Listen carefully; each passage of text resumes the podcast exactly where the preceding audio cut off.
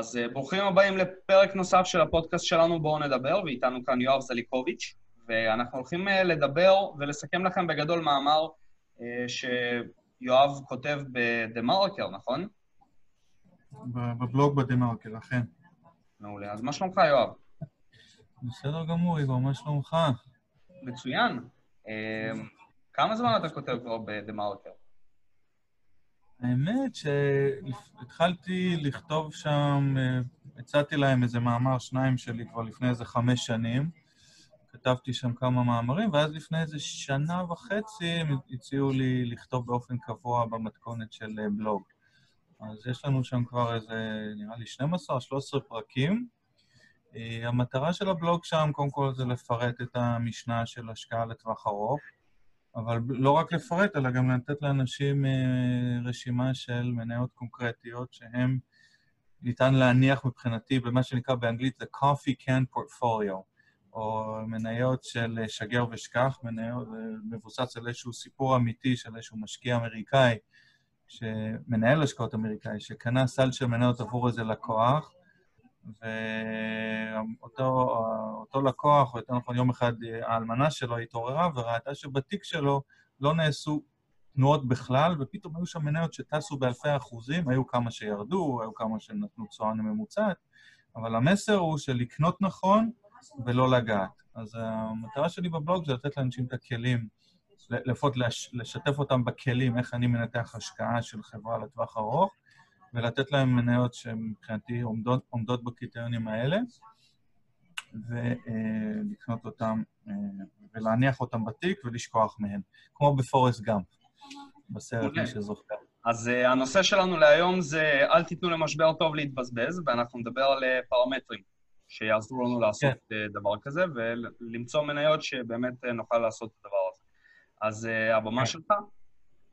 יופי, תודה. אז בואו נראה, כמו כל דבר, אני חושב שצריך... אה, אף אחד לא כזה חכם להמציא את הגלגל מחדש. כל משנת ההשקעות שלנו מבוססת על בעצם תורת ההשקעות של המשקיעים הגדולים. ולא צריך ללכת רחוק, אלא אפשר ללכת לגדול מכולם, אה, בחור בשם אורן באפט, שאני הרבה כותב ומספר עליו, אבל הוא באמת עם טרקר כל, כל כך ארוך ומצליח, שאני חושב שמאוד חשוב ללמוד ממנו. עכשיו, אם נסתכל רגע על, על איך באפט התחיל, היום הוא משקיע במניות גדולות ומוכרות, אבל בתחילת דרכו באפט התרכז בחברות אה, עם שווי שוק מאוד קטן, שנסחרו בדיסקאונט עמוק לערכן הכלכלי. עכשיו, מה שדיברתי בבלוג, נתתי כמה פרמטרים של חברות בעקבות משבר הקורונה. אה, מי שרוצה מוזמן לקרוא, אבל יש לנו בעצם שתי קצוות שם. יש לנו חבר... חברות שערכן הכלכלי בעקבות הקורונה עלה, גם מחיר המניה עלה. מצד שני, של המתרס יש לנו מניות שהשווי הכלכלי שלהן אה, אולי לא השתנה או ירד קצת, אך במקביל מחיר המניה ירד אה, פחות מהפגיעה בערך הכלכלי. ובאמצע יש לנו גם מניות שנפגעו מאוד וגם מחיר המניה קרס. אז בבואנו להשקיע, לדעתי, אנחנו רוצים לחפש חברות, לא רק בקורונה, תמיד, שהערך הכלכלי שלהם הוא יציב ולא אפשר לחזות אותו בקלות לעתיד הנראה לעין, ולקנות את החברות האלה במחיר הנכון. מה שאני רוצה, משפט מחץ מבחינתי, לא חשוב במה משקיעים, איגור, בין אם אתה קונה דירת נדל"ן, או מניה, או גרביים. מה שיקבע את ההצלחה שלך בהשקעה בסטטיסטיקה זה מחיר הכניסה. בגלל זה גם דיברתי בפרק ונדגים רגע. אם אני קונה נכס נדל"ן ששוויו, נגיד, אה, השווי הוא X, ושילמתי עבור הנכס נדל"ן הזה X כפול 100. למה? כי הנכס הנדל"ן הזה יושב באזור טוב, ואמרתי, האזור הזה מתפתח, ואני בטוח שהנכס הזה לא ירד. אבל אם שילמתי על הנכס הזה מכפיל אסטרונומי, קרי, ניקח נכס של נדל"ן ששילמתי עבורו 100 מיליון שקל, ואני מושך ממנו שכר דירה של 1,000 שקל בשנה. האם זאת השקעה טובה, איגור? נגיד החברה הזאת היא מדהימה, נקרא לה רגע בשמה אפילו טסלה. טסלה היא חברה נהדרת, יש לה רכב נהדר, אבל רווחים אין לה ממש. עכשיו, נכון שאני רוצה להיות שותף בחברה הזאת, אבל לשלם עבור רווחים אולי של אלף שקל, לשלם אליהם מיליארד, האם זאת השקעה טובה? לא ממש. נכון. ולכן, ואותו דבר אפשר להגיד על הרבה חברות עכשיו שאנשים משקיעים בהן, ולכן בדרך כלל הסטטיסטיקה מלמדת שאתה רוצה להשקיע בחברות עם רווחים גבוהים וטובים, ולשלם על זה מכפיל רווח נמוך. כשאני בוחן השקעה, הדבר הראשון שאני מסתכל, אני קצת מפשט פה, אבל זה מכפיל הרווח של החברה. המכפיל רווח אומר לי, כמו בנכס לדן, כמה אני משלם וכמה תשואה חודשית, שנתית אני יכול לקבל עבור הנכס הזה. עכשיו, נכון שיכול להיות שטסלה תצמח ותגדל והרווח, השכר דירה שם יגדל, אבל השוק יודע את זה. אתה צריך לבוא לשוק ההון בצניעות ולקנות במניות וחברות, במה שקראתי בבלוג, margin of safety, מרווח ביטחון. רוב הציבור מתפתח היום לקנות חברות נהדרות, אבל גם במחירים נהדרים.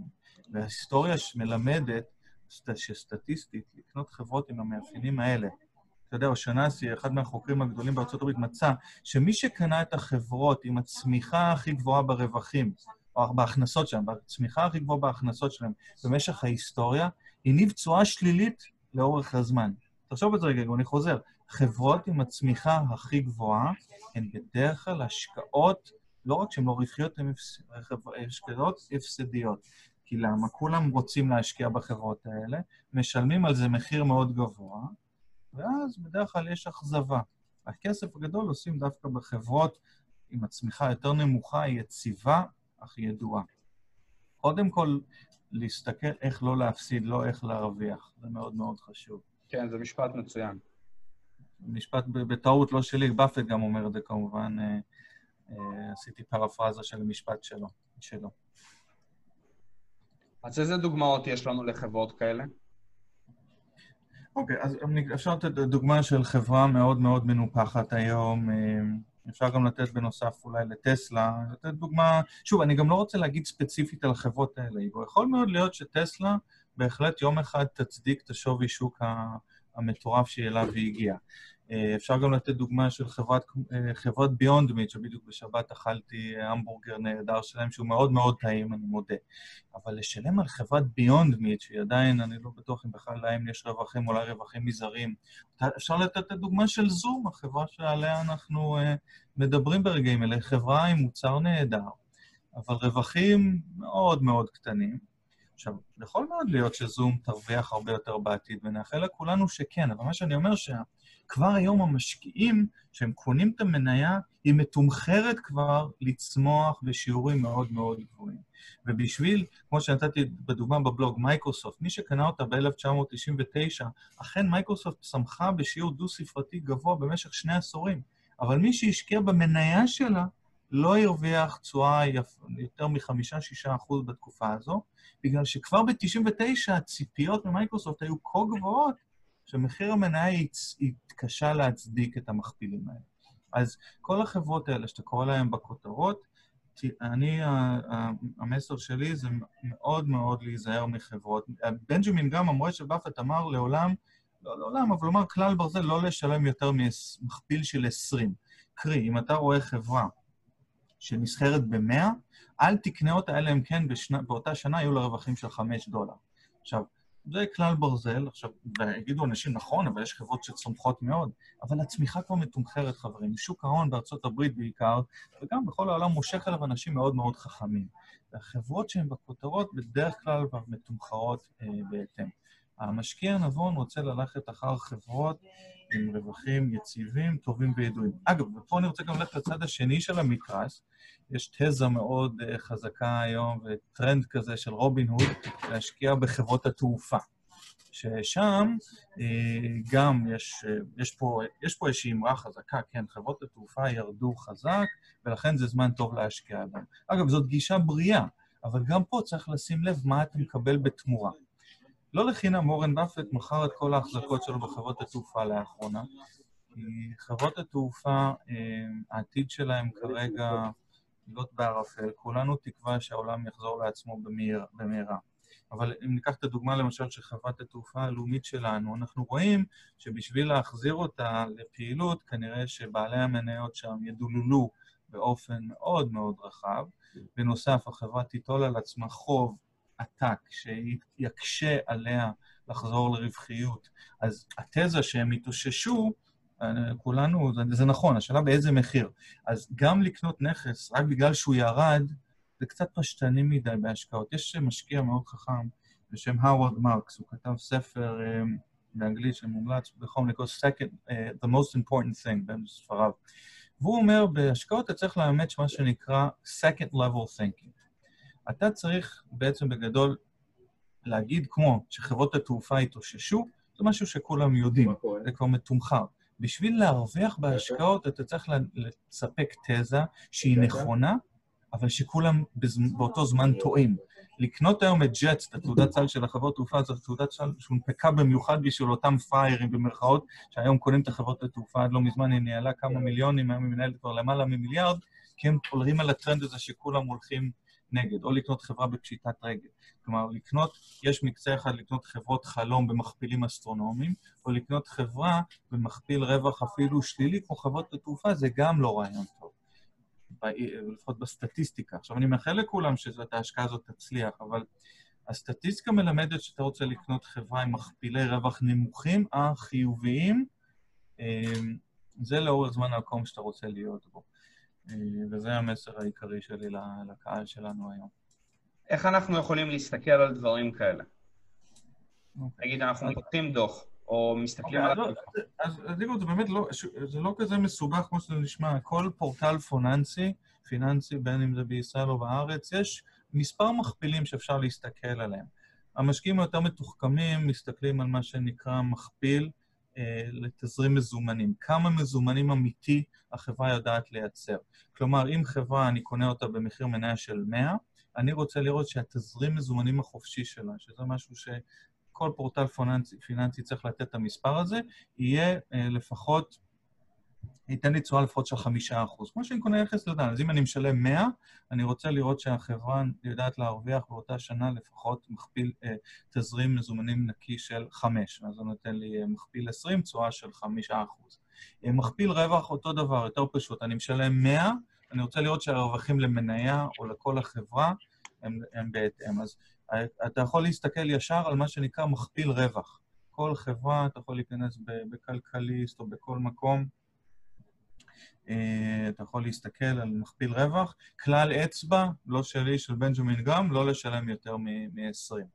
עכשיו, תמיד אפשר, יש חריגים, אבל באופן כללי, אנשים צריכים לדעת שהסטטיסטיקה וההיסטוריה לרעתם, אגב, אתם יודעים, בדיוק ראיתי גם טבלה בדה-מרקר, שהמניות עם השווי שוק הכי גדול, בדרך כלל המכפילים שלהם גם הם הכי גבוהים, והיסטורית המניות שמגיעות להיות במשקל הגבוה יותר במדדים, כמו אמזון, נט, נטפליקס, מייקרוסופט, אפל היום, אלה חברות שגם בעשורים הבאים, העשור הבא, מניבים גם הן תשואה שלילית, ולכן היום אני לא מתקרב למדדים, כי המניות הגדולות, שהן חלק מרכזי מהמדדים בארצות הברית היום, הן נסחרות במכפילים שקשה מאוד בעיניי להצדיק אותם. חברות נהדרות, אבל האם הן מצדיקות מכפילים כה גבוהים? בדרך כלל, לא. Okay.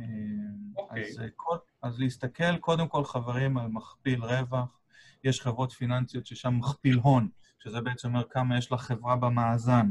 כשאני קונה למשל, אגב, כקונטרה להשקעות מסוג שציינתי, ההשקעה, החברות שאני הכי אוהב להשקיע בהן, הן ממגזר שמאוד מאוד בטוח, אה, ששמו כן הוא מגזר הביטוח, שממנו הרבה מאוד משקיעים עשו המון המון כסף, ולכן אה, אני אוהב להסתכל על חברות ביטוח בארץ אה, ובחו"ל.